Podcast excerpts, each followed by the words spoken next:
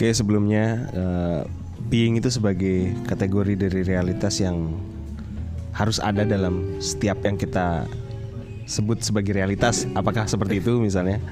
Nah, Atau itu yang menjadi perdebatan. Iya menjadi perdebatan yang ya. akan berkaitan dengan nothingness, nothingness yang kita bahas di episode ini. Oke. Okay. Nah ini berkaitan dengan uh, bagaimana menstrukturasikan realitas ya. Jadi kita membangun struktur tentang realitas. Artinya bagaimana uh, pembahasan tentang struktur itu penting dalam metafisika. Tapi apakah hanya mengcover being saja? Lalu bagaimana nasib dari nothingness? Apakah dengan membahas nothingness itu termasuk dalam suatu pemborosan yang sia-sia? Ataukah hmm. uh, antara being dan nothingness itu adalah dua hal yang saling berkaitan atau bisa kita pertanyakan uh, apakah being itu sebagai suatu hal yang terberi ya, hmm. yang uh, necessity gitu. Hmm. Lalu bagaimana dengan nothingness di situ? Oke, okay, okay. kita mulai bro. Nah, oke, okay, jadi uh, pertanyaan dari Mas Odi itu bisa aku coba terjemahkan sebagai kalau kita melakukan inventarisasi atas kenyataan, kira-kira apakah yang kita inventarisasi itu sebatas hal-hal yang ada atau yang nggak ada juga masuk dalam inventarisasi? Mungkin itu ya ke bahasa sehari-harinya.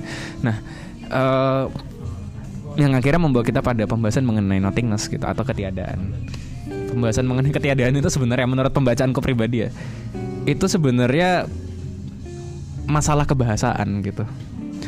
Nah ada filsuf yang uh, menganggap ketiadaan itu sebagai bagian dari kenyataan dan ada yang menolak itu sebenarnya bermuara pada bagaimana mereka membahasakan uh, atau memandang mengenai ketiadaan itu tadi gitu.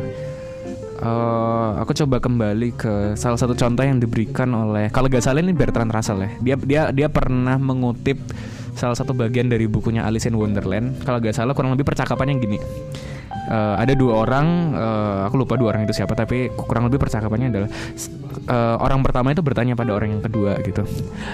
Uh, who, who or what do you see there gitu? Apa yang kamu lihat di sana? Maka si orang kedua menjawab, I see no one gitu. Nah, maka orang-orang yang pertama tadi bilang, oh, uh, how lucky you are to be able to see no one. Artinya, yang kalau dalam bahasa Indonesia mungkin nggak akan dapat ya maksudnya apa. Tapi kalau dalam bahasa Inggris artinya orang ke, orang pertama tadi itu menyalahartikan no one yang dimaksud oleh orang kedua sebagai suatu entitas gitu. Padahal kan dia ingin berbicara bahwa aku gak ngelihat siapa-siapa di sana. Berarti uh, tidak ada siapa-siapa itu nggak merujuk pada suatu itu sebagai entitas ya. Iya, yeah, sedangkan orang yang yang mengatakan kalau nothingness itu merupakan bagian dari kenyataan. Jadi kamu sangat uh, sangat uh, apa ya, sangat laki bisa melihat ketiadaan. Bisa gitu. bisa melihat yang nggak ada yang kamu bilang nggak ada. Bukan siapa-siapa. Gitu. Siapa-siapa. Gak ada siapa-siapa. Gak ada siapa-siapa itu ibaratnya kayak kita anggap sebagai sosok gitu. Mm-hmm. Gak ada yeah, ada yeah. sosok yang kemudian kita namai gak ada siapa-siapa gitu. Yeah, yeah. itu kan kayak oh gitu ya gitu aneh gitu. Tapi kalau dalam bahasa Inggris mungkin tidak akan sana itu terdengarnya. Artinya ini yang kemudian membawa uh, para filsuf untuk menyamakan antara ya untuk ada dengan untuk eksis gitu. Hmm, nah itu kan posisinya uh, Quine ya, Willard van Orman Quine dan menurut Quine itu dia berpandangan kalau ya sebenarnya exist sama to be itu sama aja gitu. Mm-hmm. Jangan dibedakan karena kalau misalnya dibedakan kita akan memiliki suatu pandangan mengenai dunia yang sangat-sangat ribet gitu. Kok bisa ada suatu hal yang enggak yang bisa exist tapi gak ada gitu. Mm-hmm. Nah, kalau dalam bahasa sehari-hari kan memang exist sama ada ada bedanya gitu. Nah, kalau menurut Quine nggak ada tapi kalau menurut Mainong ada. Oh iya, iya. Ada seorang filsuf namanya Alexis hmm, Mainong. Alexis Mainong. Dia punya pandangan yang sebaliknya berbeda dengan Cohen. Dia mengatakan lebih bisa loh uh, suatu entitas, suatu hal gitu ya, suatu objek gitu. Dia itu uh, to be, dia itu ada gitu. Dia punya segala macam predikat. Kita katakanlah uh, contohnya ada sebuah gunung, gunung itu punya kualitas uh, terbuat dari emas gitu tapi dia hanya tapi dia kekurangan satu kualitas gitu yaitu hmm. kualitas eksis hmm. Jadi gunung itu menurut Mainong dia, dia subsis. Dia ada tapi subsis bukan ya, eksis. Ada dengan kondisi yang terbatas gitu. Nah, ada dengan kondisi yang terbatas. Nah, kalau misalnya kayak gitu kayak oh bisa jadi kayak gitu ya Iya, katakanlah jadi misalkan menarik antara Queen, Quine dengan Menong. dengan ya. Mainong gitu sedangkan kalau Terus, menurut eh, Austrian Object. kalau men- kalau menurut. Quine ya dia sebel dengan cara pandang kayak gitu kenapa karena kalau kita membedakan antara ada dengan eksis kita akan mendapati sebuah cara pandang dunia yang kalau tadi bahasa aku itu ruwet atau kalau dalam bahasa yang lebih umum itu sangat-sangat tidak ekonomis gitu Iya, jadi kayak misalkan contoh Iya, bener ribet ya. ya. Mas Odi itu sebenarnya ada banyak gitu Iya, iya. ada Mas Odi yang eksis sekarang gitu yang yang belum menikah gitu lalu ada ada Mas Odi yang lain gitu yang punya kualitas aku, setelah menikah Aku juga sempat baca-baca Menong kan.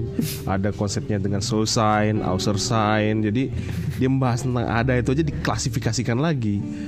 Sehingga dia sampai pada subsis itu. Jadi nggak ekonomis Nah ya. itu kita Bener-bener. ribet banget terlalu banyak kategorisasi gitu. ya. Itu tadi misalnya ada ada Mas Odi yang masih kecil, ada Mas Odi yang itu eh, sudah tua gitu. Dan Iya. seterusnya pertanyaannya adalah apakah Mas Odi Mas Odi tadi tadi itu semuanya adalah Mas Odi yang sama gitu atau jangan dibedakan? Iya, itu kan iya. pertanyaan yang sangat abstrak sekali gitu. Dan menurut kan ya ngapain sih? Menongian jungle. Main ya itu. itu kan sebutannya kan. Nah, kita akan masuk dalam rimba mainongian Rimba Menongian gitu. Wah, Random Opo banget ini. maksudnya Macam-macam gitu itu kan. masuk semua itu. Masuk semua ada itu.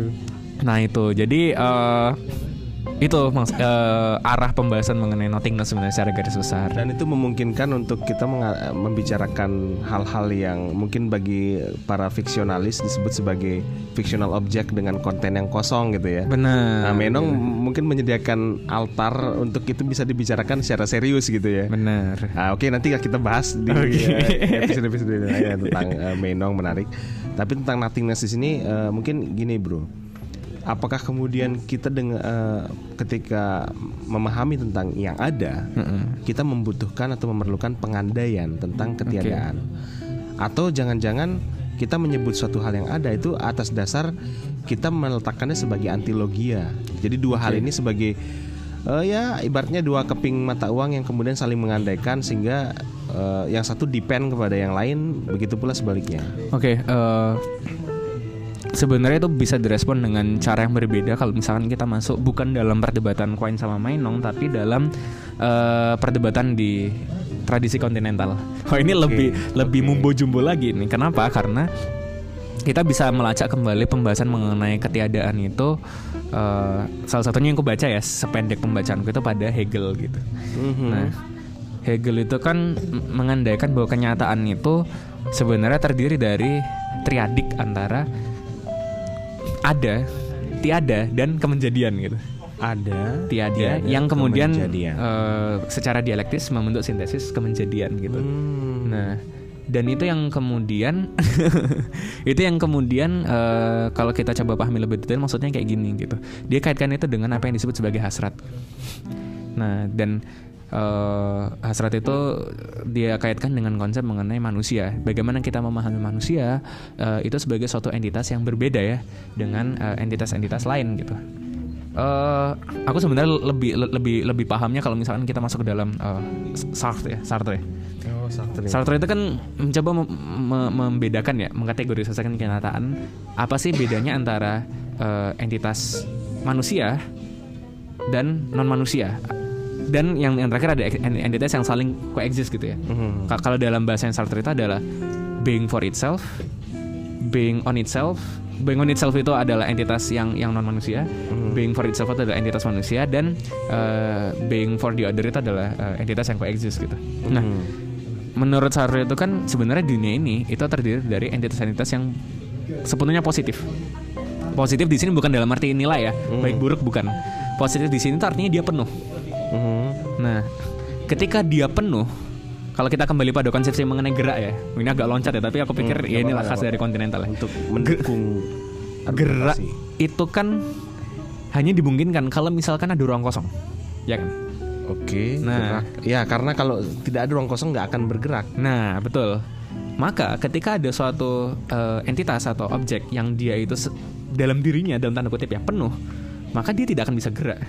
Dia tidak akan bisa menjadi. Iya iya iya. iya. Nah, benda itu sudah cukup pada dirinya dan dia dia, Oh, dia iya, mati. iya, iya.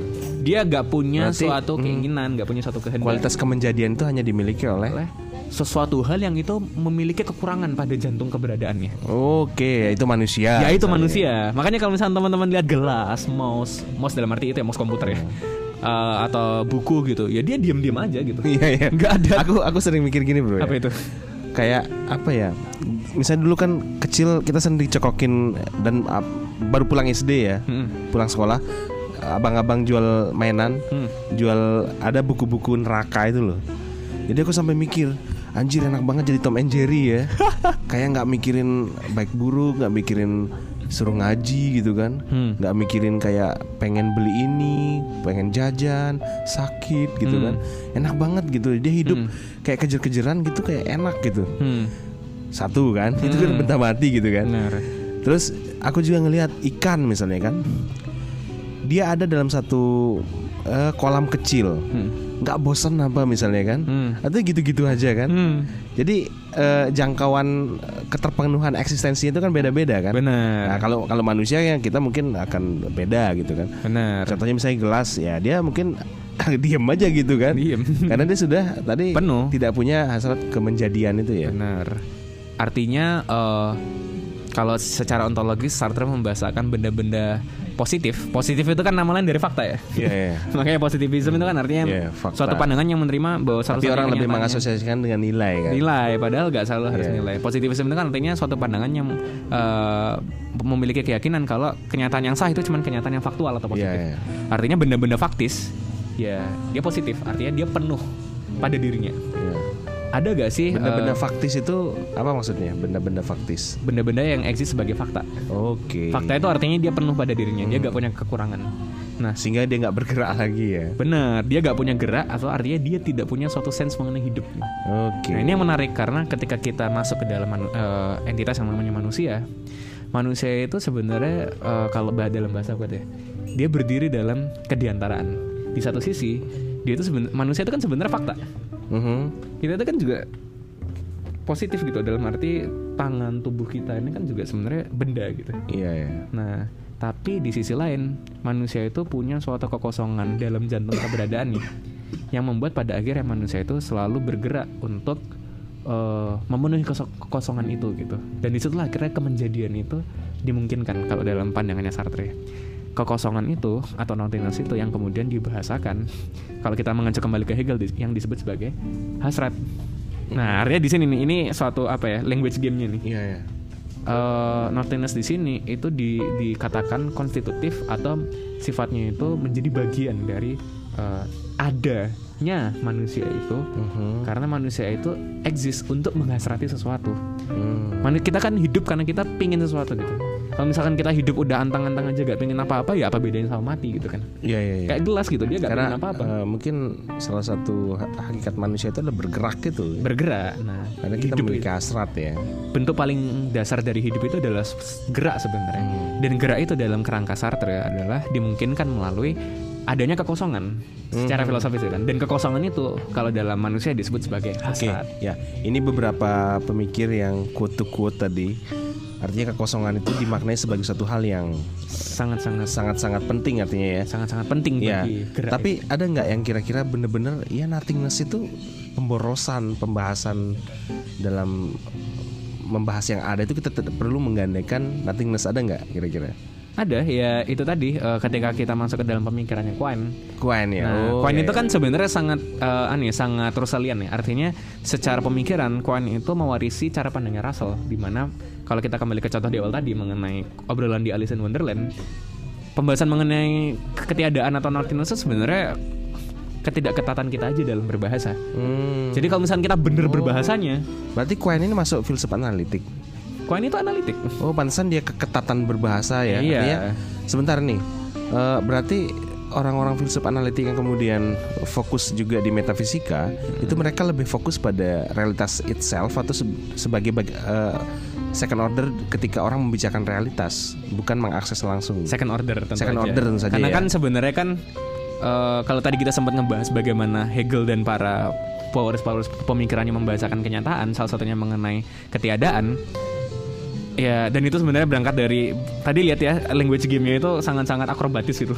Awalnya bahas ketiadaan, jadi hasrat, jadi gerak macam-macam lah. Iya, iya. Nah, Ciri khas kontinental lah nah ciri khas kontinental. Sedangkan filsafat analitik kan sebenarnya sederhana. dirapikan ya Ya, fil- analitik. Filsafat analitik itu kan rise on the ether ya gitu. Iya, iya. Atau kenapa mereka eksis itu kan sederhana. Mereka ada untuk menentang Hegel gitu untuk Iya. menentang cara ber- eh, style berfilsafat yang tidak ketat dalam berbahasa gitu. Oke. Nah, sehingga kalau kita mengutip Wittgenstein ya sebenarnya eh, kurang lebih pembahasan mengenai ketiadaan itu sebenarnya pseudo problem, problem semu gitu. Hmm, pseudo problem. Sebetulnya bukan problem. Saja nih nggak masalah gitu ya, Nggak tapi perlu. di- dipermasalahkan aja Iya. gitu, diada-adakan gitu ya Gak perlu kita membahas jauh-jauh mengenai ketiadaan sampai ke hasrat, sampai ke gerak hidup, Hmm. kemenjadian. Ya ketiadaan itu sebenarnya kesalahan kita aja dalam berbahasa. Nah, dan itu yang diamini oleh Russell melalui yang dia contohkan melalui eh, percakapan di Alice in Wonderland tadi dan kemudian diamini oleh Cohen ketika dia membahas mengenai ontologi bahwa supaya kita eh, punya eh, suatu cara yang tepat dan ekonomis untuk membahasakan kenyataan, kita perlu menyamakan antara being sama exist. Karena kalau being sama exist dibedakan berarti ada suatu hal yang dia itu to be tapi dia tidak exist. Kalau da- dalam dalam dalam sense kita ya artinya kita membolehkan yang namanya nothingness untuk masuk dalam indeks indeksasi kita mengenai kenyataan. Dan menurut nggak perlu kita memasukkan barang-barang atau hal-hal yang tidak ada atau tidak eksis Hmm. ke dalam inventarisasi kita mengenai kenyataan. Oke. Gitu. Berarti lagi-lagi ke struktur tadi memang kalau pakai gaya Quine Iya. berarti tereksklusikan ya Iya. nothingness itu. Cukup yang ada aja lah yang Oke gitu. oke oke menarik. Jadi nanti kita bisa lanjut eh, di episode berikutnya kita membahas bagaimana sebetulnya eh, kritikan pedas respon dari para filsuf analitik ke Hegel. Tapi kayaknya perlu juga bro kita singgung aku menarik tadi ya tentang eh, triadik dari Hegel itu. Nanti bisa kita kulik-kulik lagi. ya. Oke. Oke.